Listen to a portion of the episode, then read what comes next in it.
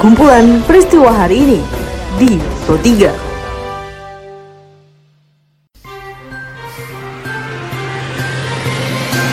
Halo pendengar, selamat berjumpa kembali di podcast Pro 3 RRI dengan kumpulan peristiwa yang terjadi pada hari ini.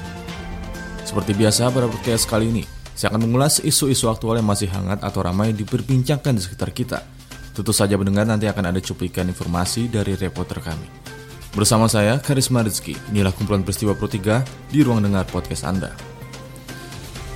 Pendengar, sebelum saya masuk ke dalam beberapa isu aktual yang akan saya hadirkan sesaat lagi, saya akan mengundang Anda untuk mampir ke laman berita kami di rri.co.id. Anda juga bisa memfollow dan berkomentar di sosial media kami di Instagram, Twitter, dan Facebook dengan mengetik at RRI Programatika di kolom pencarian Anda. Informasi pertama pendengar, Menteri Ketenagakerjaan Ida Fauzia menargetkan pencairan bantuan subsidi upah atau BSU tahap kedua pada pekan ini atau paling cepat besok.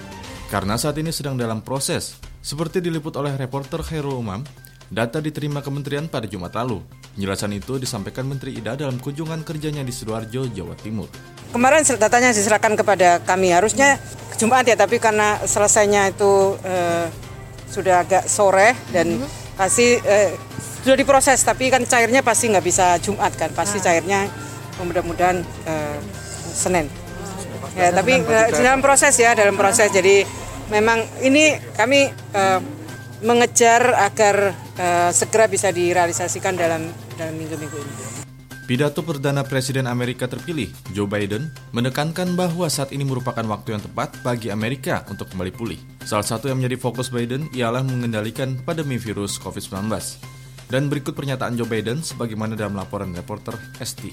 It's time to put away the harsh rhetoric, lower the temperature, see each other again, listen to each other again.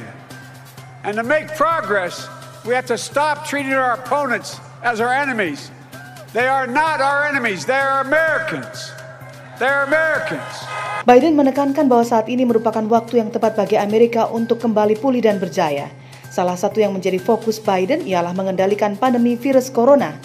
Karena itu merupakan satu-satunya cara bagi Amerika untuk kembali menjalani kehidupan. Jumlah warga di Kecamatan Kemalang, Jawa Tengah yang mengungsi terus bertambah, terutama pada malam hari. Warga khawatir dengan meningkatnya aktivitas gunung berapi. Hal itu disampaikan oleh Ketua Relawan Tegar Mulyo Subur saat dikonfirmasi reporter Adam Sutanto. Yang dari 67 pengungsi yang yang berisiko yang sakit itu ada dua orang, satu Mbah Harto Wiono dari Sambung Rejo yang itu sudah lumpuh sejak sejak erupsi 2006 dia sudah mengungsi. Kemudian yang satu Bu Parmi dia menderita stroke di dari dusun Kundang. Kita beralih ke berita olahraga pendengar. Jumlah supporter dari berbagai klub sepak bola di tanah air mendesak Persatuan Sepak Bola Seluruh Indonesia atau PSSI membuat regulasi kompetisi untuk tahun depan. Ketua Umum Jakmania, Diki Sumarno, saat dikonfirmasi reporter Faramita Putri, mengatakan pihaknya telah menyampaikan kepada klub agar liga tidak dilanjutkan karena dapat membuat kerugian bagi klub. Dari awal pandemi, ketika kita semua sudah berkumpul, para pengurus-pengurus Jackmania, kita juga sepakat untuk lebih baik liga memang dihentikan saja karena pandemi ini kita nggak tahu ujungnya itu ada di mana dan ujungnya itu kapan gitu loh. Bukan masalah kemanusiaan juga, bukan masalah ekonomi juga, tapi yang kita pikirkan sih di sini adalah uh, klub ya. Baiklah pendengar, informasi tadi mengakhiri perjumpaan kita pada podcast edisi hari ini.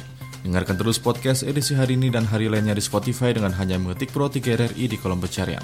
Pendengar tetaplah menjaga jarak, ikuti protokol kesehatan dengan baik, dan teruslah mengikuti berita terupdate di Pro 3 RRI. Saya Karisma Rizky, sampai jumpa. Jalanan ibu kota DKI Jakarta masih Kumpulan peristiwa hari ini di Pro 3.